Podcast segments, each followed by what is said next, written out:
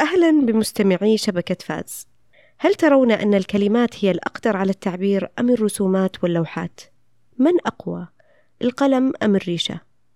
حلقة رائعة يحكي لكم فيها الدكتور هشام القاضي عن قصة صراع الكلمة والصورة استمعوا واستمتعوا كتب جيرالد دي بيغو قصة أخرجها المخرج الأسترالي فريد كيبسي عام 2013 في فيلم بعنوان Words and Pictures كلمات وصور.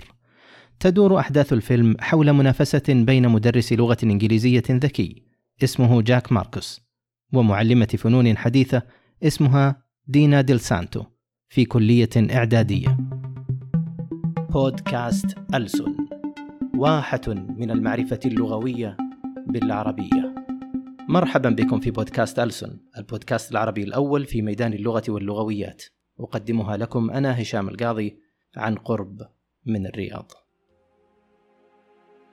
وتبدأ القصة عندما استقطبت كلية كرويدن الراقية في ولاية مين أقصى الشمال الشرقي في الولايات المتحدة الأمريكية معلما بارعا في تعليم اللغة الإنجليزية ليعلم الطلاب مقرر الكتابة في المستوى المتقدم. ذلك هو الكاتب والشاعر المعلم الموهوب والملهم جاك ماركس. لكن ماركوس على المستوى الشخصي ليس كما يبدو في عمله. إنه يعاني من مشكلات عائلية بالإضافة إلى أنه هو ذاته لم يخرج بأي عمل حقيقي منذ عدة سنوات. لقد وقع فيما يسمى تحجر الكتابة أو تجمد الموهبة. ولا تسأل عن موهبة تحجرت ونهر كان متدفقا فجف أو عين كانت ذات ماء معين فأصبحت اثرا بعد عين يعشق جاك اللعب بالكلمات ويشرك فيها الطلاب ويحترف صناعة العبارات الأدبية ويختارها بعناية من أجل تحفيز خيال القارئ والمستمع لينتج هو بدوره صورا خيالية حية أثناء قراءته أو استماعه. وفي الفصل يقسو جاك أحيانا على طلابه يتهمهم بإهمال اللغة والأدب ويأسف كثيرا لهوس الطلاب بوسائل التقنية الحديثة وبالشبكات الاجتماعية على الأخص لدرجة نسوا معها أساليب الكتابة الحقيقية والتعبير اللغوي عن النفس. ومع ذلك فإن هذا الاهتمام وهذه القسوة كانت موضع تقدير لدى الطلاب. استمتعوا بمواجهاتهم المتكررة في الحرم الجامعي وبالتفاعل معه حتى إنه كان يلعب كرة القدم مع بعضهم. ومن أجل تحقيق غايته فقد استخدم جاك المجلة الأدبية في المدرسة وشجع الطلاب على نشر كتاباتهم الأدبية فيها لكن إدارة المدرسة كانت تخطط لإغلاق المجلة لأسباب تتعلق بالميزانية. كان جاك يوما ما نجما ادبيا لكنه كان كذلك لمرة واحدة فقط في حياته. ولسنوات عديدة فان ما يملأ وقت فراغه حتى الآن هو الانكباب على نفسه والشعور بالأسف لحاله رغم كل ما يتقنه في فنون اللغة.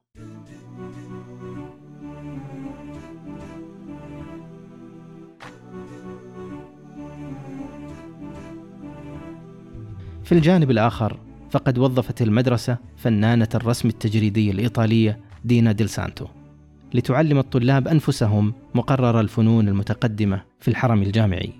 وعلى الرغم من كون دينا فنانة ناجحة في مدينة نيويورك فإنها الآن تعاني من صعوبة كبرى في الرسم وفي غيره من الأنشطة اليومية الاعتيادية بسبب مرضها. إنها مصابة بمرض التهاب المفاصل الرثياني وهو مرض مزمن. يؤدي هذا المرض إلى فقدان القدرة على الحركة والإنتاجية. لقد كانت دينا تعاني صعوبة في زر أزارير قميصها وفي إمساك فرشة أسنانها أو حتى في فتح علبة الدواء. وهي مهمات لا يفكر فيها الأصحاء أساسا. وقد انتقلت دينا إلى ولاية مين حيث تعيش أختها ووالدتها ليتمكن من مساعدتها خلال فترات شدة مرضها. ولكنها من جهة أخرى معلمة مثالية. صحيح أنها لا تهتم بالحياة الشخصية لطلابها كما يفعل جاك مثلا لكنها تريد من الطلاب أن يركزوا على ابتكار أفضل الأعمال الفنية التي يستطيعون إبداعها. ولذلك فهي تثير إحساسهم الفني وتبين لهم الفرق بين اللوحات التي تتبين فيها صنعة الفنان فقط وتلك التي تنبعث منها روح الفنان وأحاسيسه فتثير شعور المشاهد وخياله وقراءاته. وتبدو دينا أكثر عصبية وانتقادا لأعمالهم من جاك إلا أنها تبرر ذلك بحرصها الشديد على نجاح الطلاب لا على العلاقة الشخصية بين الطلاب والأساتذة. وبرغم مرضها تكافح دينا من أجل التغلب على القيود المادية والصعوبات الفنية التي تعتورها بالنسبة لجاك فإن الكلمات هي الأقدر على التعبير عن النفس وهي الأقوى أثرا والأجمل نقشا والأدوم بقاء. ولذلك فهو يرى العمل الفني الذي تعالجه دينا نوعا من العبث أو في أقل الأحوال نوعا فنيا أضعف من الكتابة. أما هي فحينما تخلق عملا فنيا وتضعه جانبا حتى يجف فإنها تصرح بازدراء تام للكلمة المنطوقة والمطبوعة. وتعتبر أن الصور والرسوم الفنية هي الوسائط الوحيدة الجديرة بالتعبير عن الحقيقة.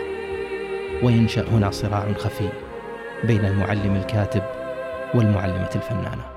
ولا يلبث هذا الصراع حتى يصبح ظاهرا يدخل فيه عدد من الطلاب مناصرين عن القلم والكلمة أو منافحين عن الريشة واللون. ثم يتحول الصراع إلى معركة داخل المدرسة كلها يحاول كل طرف فيها إثبات أي الوسيلتين أقوى تأثيرا الكلمة أو الصورة.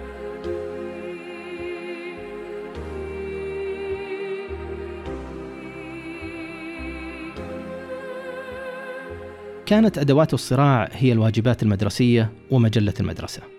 الكاتب يطلب من الطلاب أن يقرأوا في الأدب ويكتبوا قطعا أدبية تتفوق على الصور عند نشرها. والفنانة تطلب من الطلاب ذواتهم أن يرسموا لوحات تتفوق على الكلمات عند تعليقها. والجمهور يحدد ما إذا كانت الكلمات المكتوبة أفضل من الصور المرسومة أو العكس. ويقررون أن يجتمع الطلاب يوما ليقوم فيه كل جانب بتقديم عرض يناقش قضية الكلمات والصور محاولا إقناع الجمهور بأفضلية أحدهما على الآخر. ومع هذه الحماسة التي أثارها المدرس الإنجليزي في الطلاب تتمسك إدارة المدرسة بإبقاء المدرس والاحتفاظ بخدماته كمدرب دائم في المدرسة بدلا من كونه مدربا مؤقتا. لكن الأيام لا يصفو كدرها ولا تبقى على حال. ففي هذه الأثناء وفي لحظات ضعف وبؤس يخبر جاك دينا أنه سرق إحدى قصائده ذائعة الصيت وأن فعله هذا غير أخلاقي وهو يحس بالذنب تجاهه. ويذهب من فوره للاعتراف بالسرقة الأدبية أمام مدير المدرسة وفي يده ورقة استقالته. ولكنه يطلب فقط الاستمرار لبقية العام حفظا لماء الوجه وإتماما لبرنامج المنافسة بين الكلمات والصور.